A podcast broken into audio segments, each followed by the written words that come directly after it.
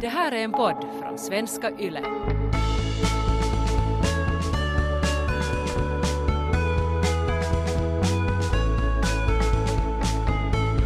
varje vecka liksom sätta oss ner och prata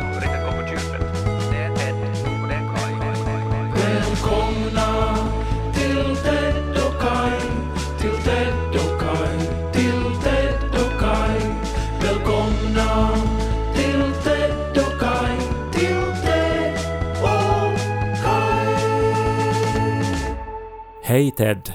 Hej Kai. Om du skulle uppskatta hur mycket du och jag har gemensamt, så här i procent, ja, om du skulle göra det, kom med en uppskattning.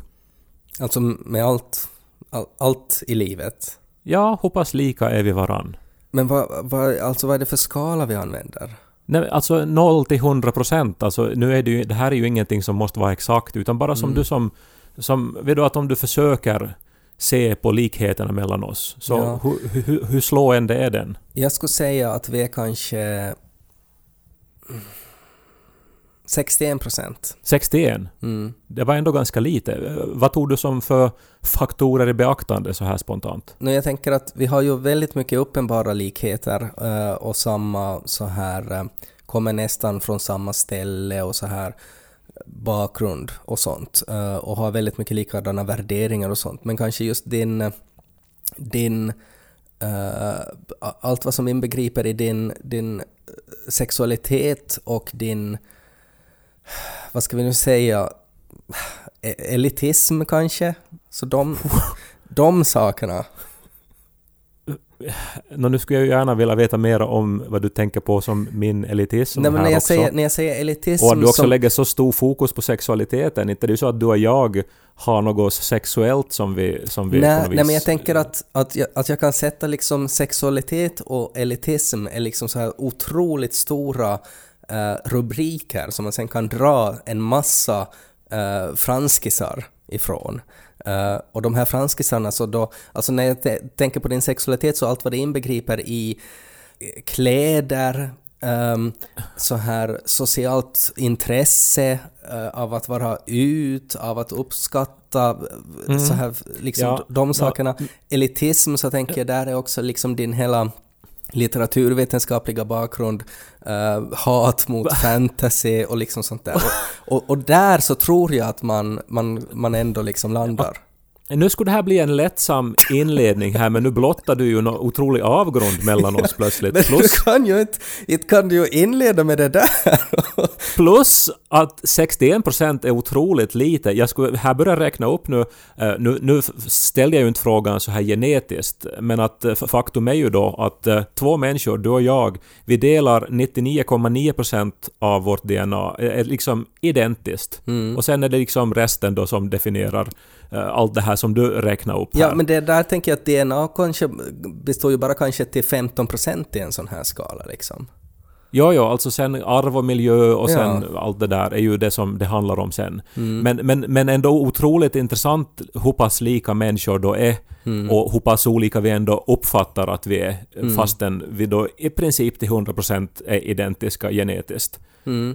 Jag, tolkar, jag tolkar det, alltså en så här grov förenkling av det, så tolkar jag så här uh, hur likadan man är, eh, sannolikheten att man ska komma till samma beslut i olika situationer. Alltså som om du tänker dig att det är ett äventyrsspel och att någon kommer fram till dig och, och vill du ta den här röda saften eller den här blå saften? Så om vi båda två ska vara benägna till att ta den röda saften så då är vi ju likadana. Och att man ska kunna dela in liksom livet i sådana där frågor. Uh, och då ska man på något sätt landa någonstans då i en procent. Och jag tror att, att även om vi är jätte, jättelika, alltså mer än hälften är vi lika, så tror jag att, eh, att när det kommer till de här båda paraplytermerna, så där så ska vi ta olika beslut.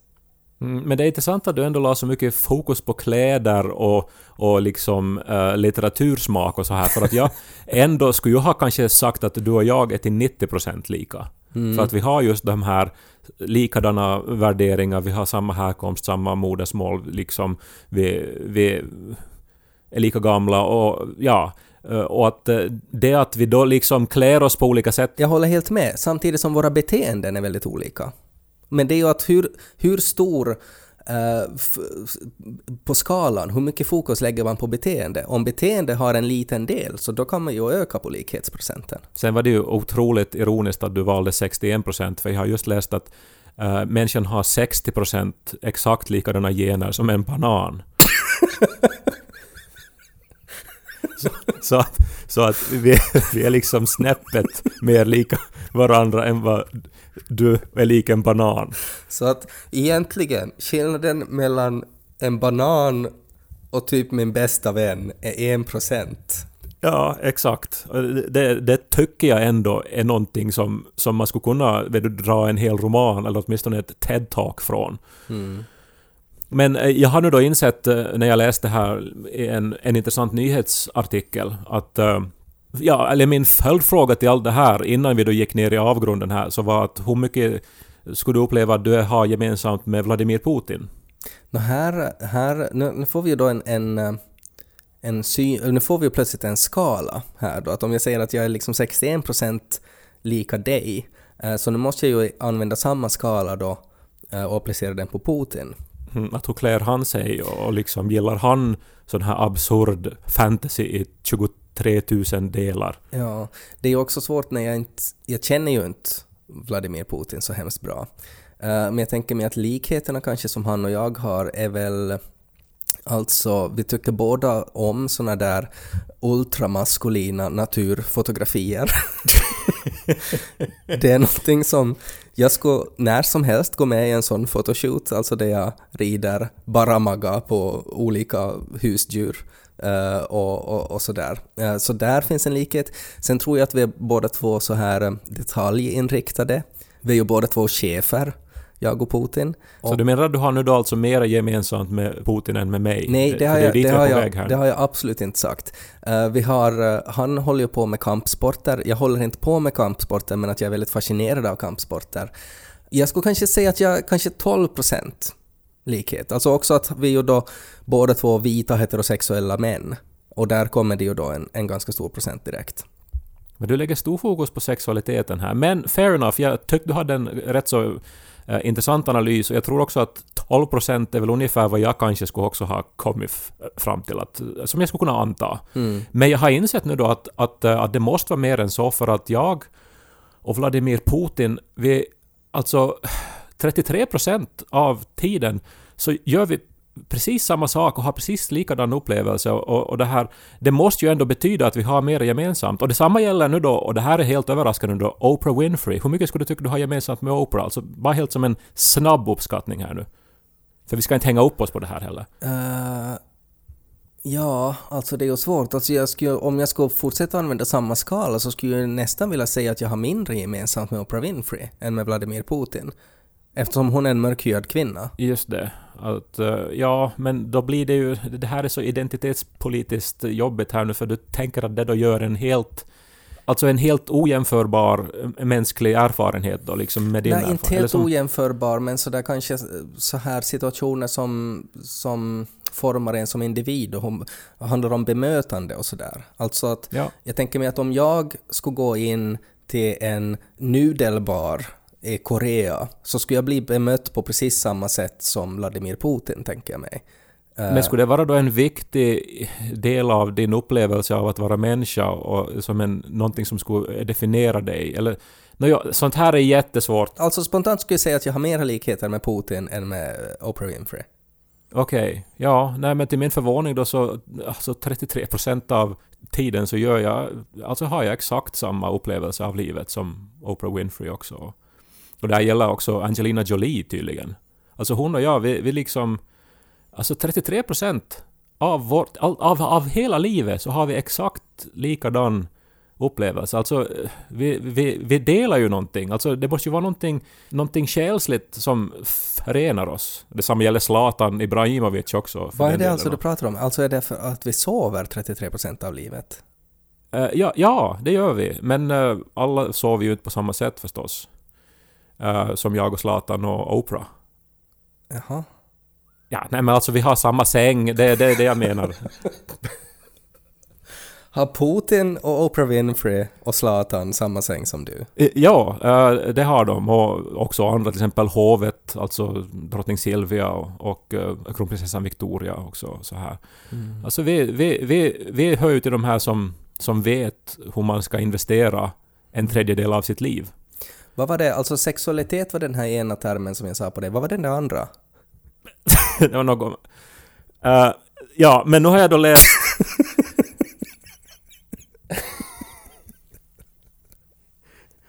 ja, men nu är den här sängtillverkaren tydligen i hetluften här nu. En intressant nyhet läser jag i Ex- Expressen då. Att, eh, att den här VDn nu då eh, verkar vara väldigt... Ha en ganska eh, radikal och hård syn på, på liksom eh, deras försäljningsstrategi.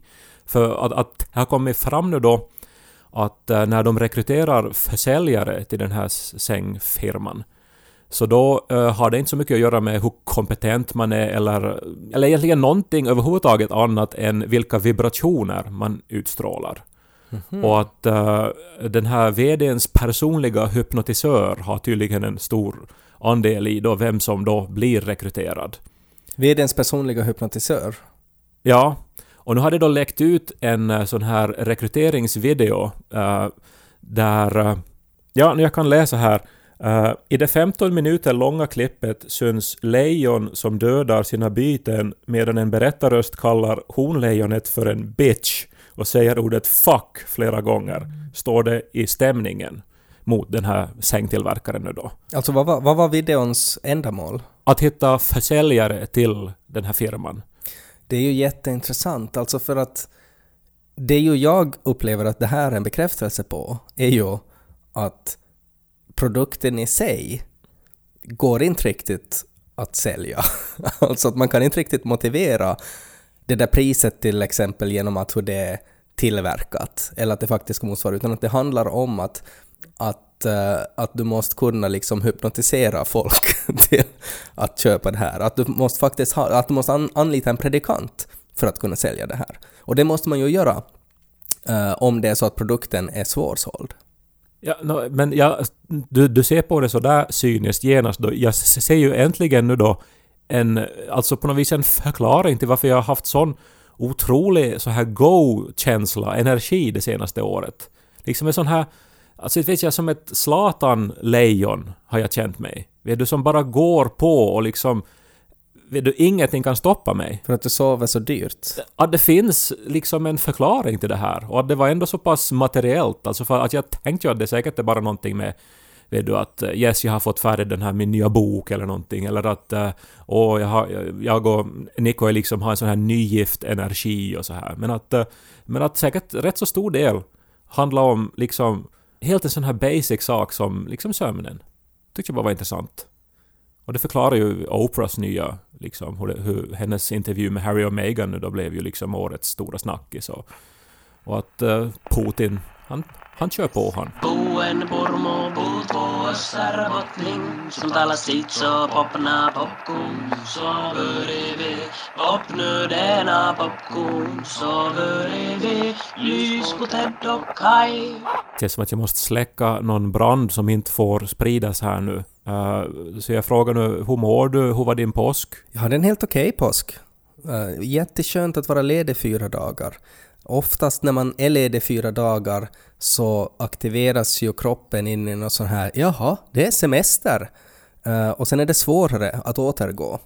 Alltså det, det är nästan alltså, du borde ha antingen bara en vanlig helg eller så borde du ha längre än fyra dagar upplever jag. Ja, det beror ju på hur man sover det där skulle jag säga också ganska Mm. långt. Om man är utvilad eller inte. Jag sover ju billigt framför allt. Eh, torftigt, obekvämt. Eh, vi tillbringar ju påsken hemma nu då för andra året i rad. Ofta brukar vi resa bort någonstans för det... När man lever med en lärare så måste man ju ta tillvara de här eh, ledigheterna som infaller under skolåret och påsken är ju en ganska bra tid att då fara till exempel på en helgresa till Paris eller någonting där det är vår och, och, och bra väder. mm. Men nu var vi hemma och eh, gjorde mycket mat och så här och eh, gjorde traditionell passa eh, som ju har blivit en del av vårt liv bara för några år sedan. Efter att vi hittade Maria Turchaninov, alltså författaren Maria Turchaninov, hennes familjerecept Mm. eh, på traditionell rysk passa då. Mm. Och eh, det, det är ju alltså helt jättegott. Ja. Och vi gjorde det här Får, får jag bara, alltså, två saker här.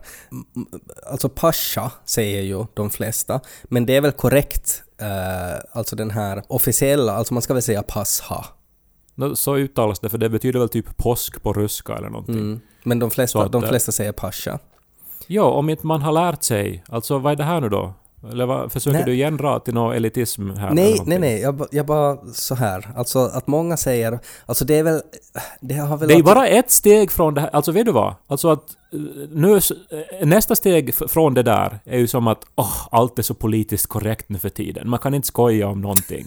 Du är ju Sverigedemokrat som håller på så här. Nej, jag, alltså jag tycker bara att det här är en intressant, ett intressant ämne för att det handlar, när det kommer till språk och ord och sådär så är det ju alltid den här på något sätt balansen mellan att vad är den här korrekta termen och vad är den här termen som faktiskt används. Ja, men nu är det ju samma term, det är bara hur det uttalas och det är ju ett ryskt ord. Vi behöver inte diskutera det mera. Men jag kan ändå inflika här att, eh, att det var ju eh, vi som hittade Maria Turchaninovs recept på pascha.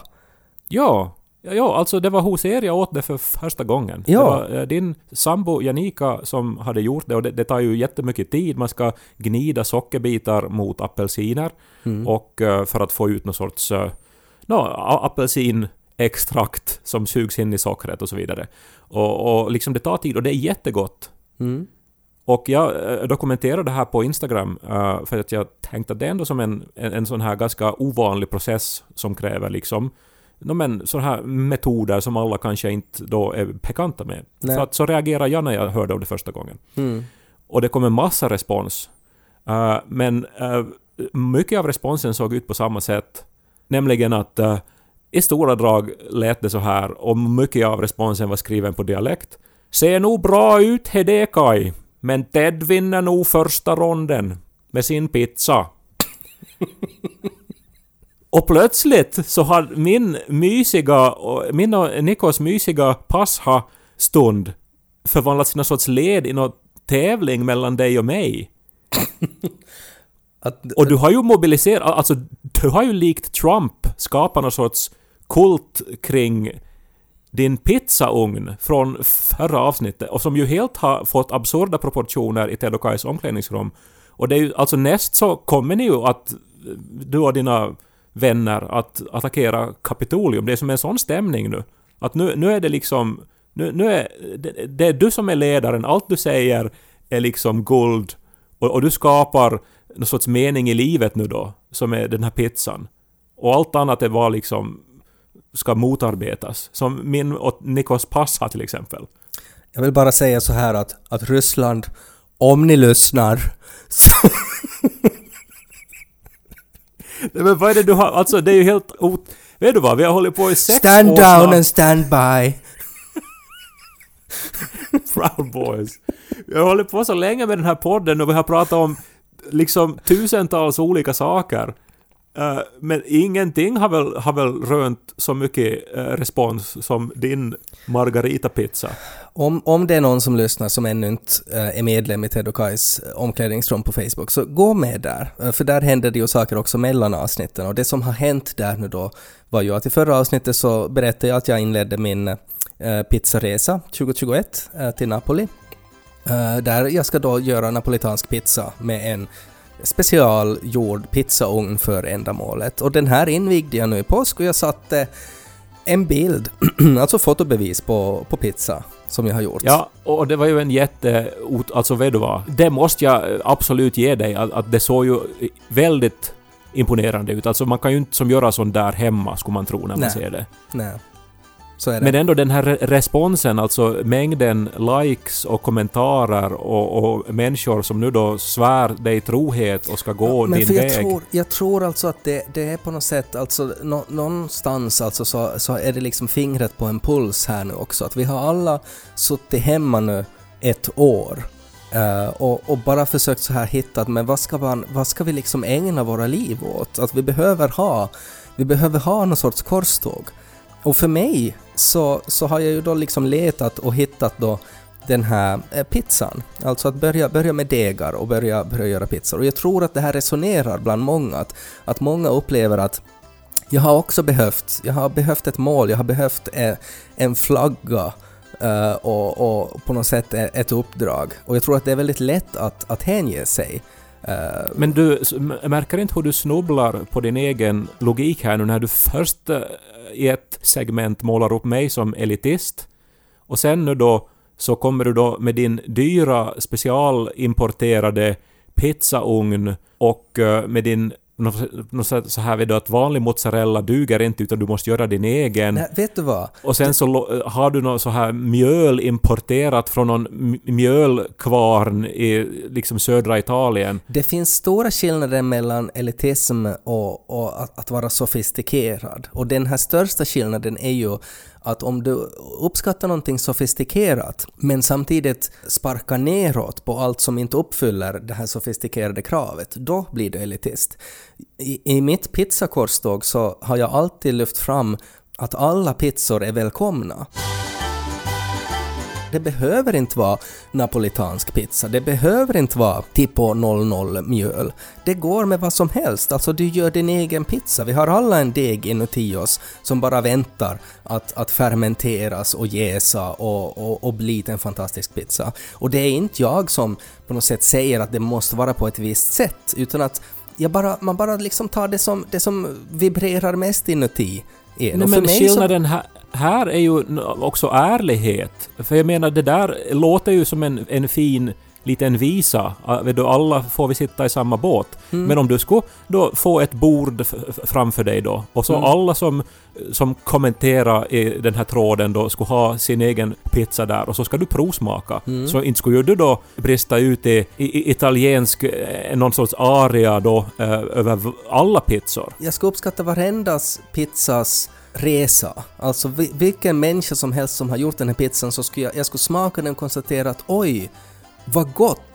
Och sen så skulle jag kanske kunna ge tips att har du försökt med surdeg? Har du försökt att jäsa längre för att få mera smak? Har du försökt med någonting annat än skinka till exempel? Alltså sådär att, att det skulle vara individuell feedback men att jag skulle nog se varje, varje pizzaiolo som står där så skulle jag se. Alla är välkomna. Sen kom den ju då rakt i mitt face då, den här bilden, på påskdagen, alltså på, på söndagen. Dagen för Jesu uppståndelse. Att, eh, uh, satt jag och Niko vid köksbordet och åt vår goda pascha. Och så klingade det till Ted Forsström har publicerat en bild. Och det händer ju inte så ofta, så jag öppnade ju den genast och sa att nå, vad håller min bästa vän på med just nu? Och där satt du då på en terrass tillsammans med Tage Rönnqvist och åt pizza. Och var jag och Niko bjudna? Svar nej. Eh, vi hade ju inte ens vetat om att ugnen var varm.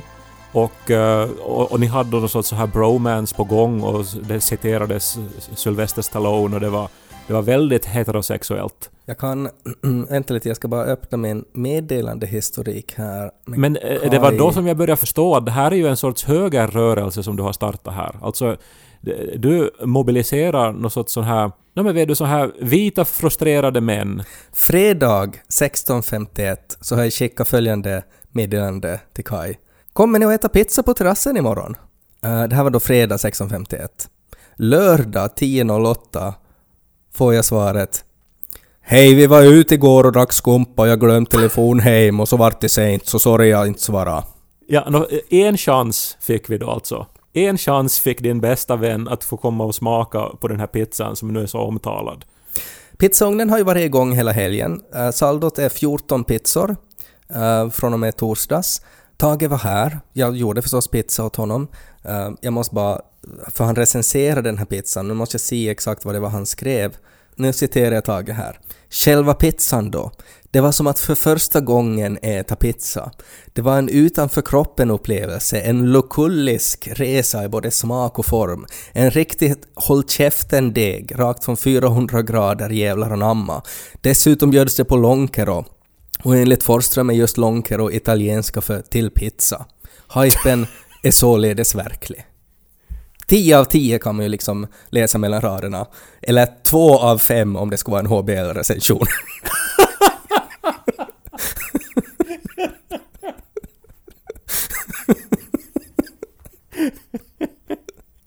Men det var jättetrevligt och det var första gången som jag fick massproducera pizzor också för någon annan och barnen blev nöjda. All, liksom, det, var, det, var liksom, det var top notch, funkar jätte, jättebra.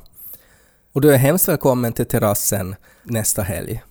Men jag förstår att du inte kan svara nu, men kanske imorgon. Det var en gång en Essebo och en Pormobo som till Åbo for till börja Radio Pleppo i lag som har valt i en podd idag. Hej! Snart kommer Ted och Kai, vi lyser med samma vi jagar haj. Hör hur radio till i fort så pop nu denna popcorn. I den här TED-talken då som, som eh, jag refererar till så framställs det här mänskliga genuppsättningen då som alltså består av tre miljarder eh, baspar. Att eh, om man skulle skriva ner den så skulle det rymmas då på 262 000 sidor. Och av de här sidorna, egentligen då en ganska vanlig fantasy-svit, så är det bara 500 sidor då som är unika för varje människa. Mm. Så att det liksom är 261 500 sidor, samma sak, och sen på resten så står det då att att ja, så stammar han och så är han så här lång och så och så har han grönbruna ögon. Det är ju det, problemet är ju att de där 500 sidorna är allt för en. Alltså det är precis allt. Så att det är liksom svårt att sätta i kontexten att det ska vara en sån där liten del av det som är jag. Eh, när det kommer till liksom mig som människa. Och sen förstås miljön och det här då att eh, det finns ju experiment gjorda med identiska tvillingar och så vidare. Som ju visar förstås att miljön har en helt enorm inverkan på det här. Men att just för, för det, det sägs ju att det också finns uh, inkodat i, i genomet, alltså ens benägenhet att rösta höger eller vänster. Mm. Alltså att vara mera självcentrerad eller att då vara mera för kollektivet om man nu hårdrar den här hö- höger-vänster-skalan. Min magkänsla, det är alltid bra att, att, att, att dra till magkänslan när det kommer till genetik. Men att jag tror att om, man skulle, att om jag skulle ha en tvillingbror eh, som skulle på något sätt ha då vuxit, inte vuxit upp i Pormo men som skulle ha vuxit upp då i ett annat land så tror jag nog att i den här åldern så skulle nog säkert han också ha äh, börjat göra napolitansk pizza. att det är sådär vissa saker som på något sätt inte, alltså att, att eh, miljön påverkar inte utan att det bara finns där. Sen finns det ju egentligen då på andra hållet då, alltså människor som till synes är väldigt olika, men som sen på något vis ju vuxnare och ju mer sofistikerade de blir graviterar de mot samma, samma viljor och samma uppskattning av livets goda och så här och skaffar då samma säng. Att äh, inte skulle ju många ha trott eh, då för kanske 20 år sedan då att jag och Oprah Winfrey då skulle liksom ägna en tredjedel av vårt liv åt eh, då eh, precis samma upplevelse och uppskattning av den upplevelsen. Nej, Nej det ska man inte. Och Zlatan, liksom. Jag, som sagt, värdelös fotbollsspelare i SEIK. Mm. Men plötsligt så har jag närmat mig Zlatan och nu liksom ägnar vi en tredjedel av vår tid Mm. åt precis samma aktivitet. Mm. Samma upplevelser. Men hur stora likheter fanns det mellan bananerna då? 60 procent? 60 procent och mellan en människa och en katt 90 procent. Mellan människa och en ko 80 procent. Nu är det ju någonting med det här, we are all one living being. Jag tycker det är intressant med den här förändringen också. Alltså att, att om de här likheterna är bestående eller om de varierar. Alltså sådär mellan dig och mig till exempel. Att, att ju äldre vi blir, blir vi mer lika eller blir vi mer olika? Ja, det beror ju säkert mycket på om man fortsätter att umgås. För att vi påverkar ju varandra ju mer vi umgås. Och antagligen har vi ju blivit eh, lika varandra eftersom vi bodde ihop i fem och ett halvt år när vi studerade i Åbo. Mm. Om vi slutar umgås helt och hållet så då kommer vi säkert att på något sätt då skapa våra egna... Men tror du att du då liksom att, att du graviterar då mot en sorts elitism och jag graviterar då mot någon sorts politisk valrörelse och att om ju mindre vi liksom umgås, alltså att det är alltid när vi umgås som att de här sakerna lite så här tas ner, alltså så där att, din, att, det, att det har varit jag som har lite varit och förhindrat din elitism att nå liksom otroliga höjder och sen så fort vi liksom då inte bor tillsammans och inte har umgåtts lika mycket, så då skaffar du den här sängen. Jag är ju alltså den här... Om jag då har någon sorts elitism i mig så är det ju en sån här Nancy Pelosi-elitism. Alltså en sofistikerad, distingerad, ändå varm elitism då som vill det bästa för samhället. Och jag har ju då mitt fina kontor, medan du då är den här Men Du har tidigare sagt att jag, jag är den här med Buffalo-hjälmen.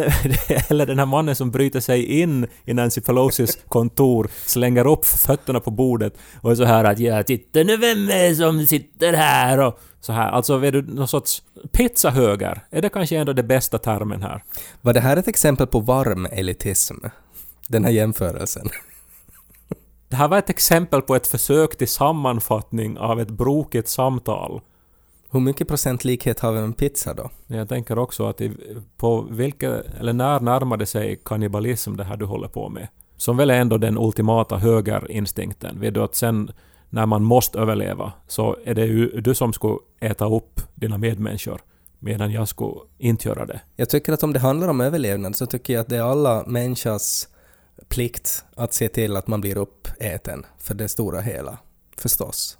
Att om det handlar om att alternativet är att dö av svält eller att man äter Ted Forsström. Så låt det vara sagt här i den här podden att jag vill att ni äter mig. Så att ni själva överlever förstås. Och det tycker jag alla som sysslar med pizza borde hålla med om. Det där var ju någon sorts uttryck för något Jesuskomplex nu då igen. Jag såg bilder av Jesus där han håller i ett trollspö. Visste du att det finns sådana? alltså det finns alltså sådana här bibliska målningar av Jesus där han står med ett trollspö. Jag har aldrig sett en sån bild. Nej. Det har säkert varit... Jag vet inte vilka forum du har hittat dig i. Uh, men... men nu skulle de ha tagit bort eh, lite grann av hans uh, liksom underverk om han skulle ha haft någon sorts trollformel och ett spö. När han gjorde vatten till vin i Kana till exempel. Bröllopet i Kana. Jag tänker ju direkt alltså, det att det har funnits bilder av honom där han håller i ett trollspö, så det är ju helt klart att människorna som hittade det där trollspöet på Golgata, så det är ju klart att de försöker utplåna alla bildbevis på att Jesus hade ett trollspö. Så att han alltså läste om Jesu uppståndelse för att det var påsk och läste Johannes evangeliet och slogs av alltså att Jesus var ju väldigt märklig nog efter att han uppstod. Alltså det, det är inte så jättemånga berättelser där men det är som typ de följer samma mönster. Han dyker upp plötsligt, säger random saker och försvinner. 72 timmar kall jäsning. Polish. Bigga. Och så bara försvinner han. Jag känner igen det där.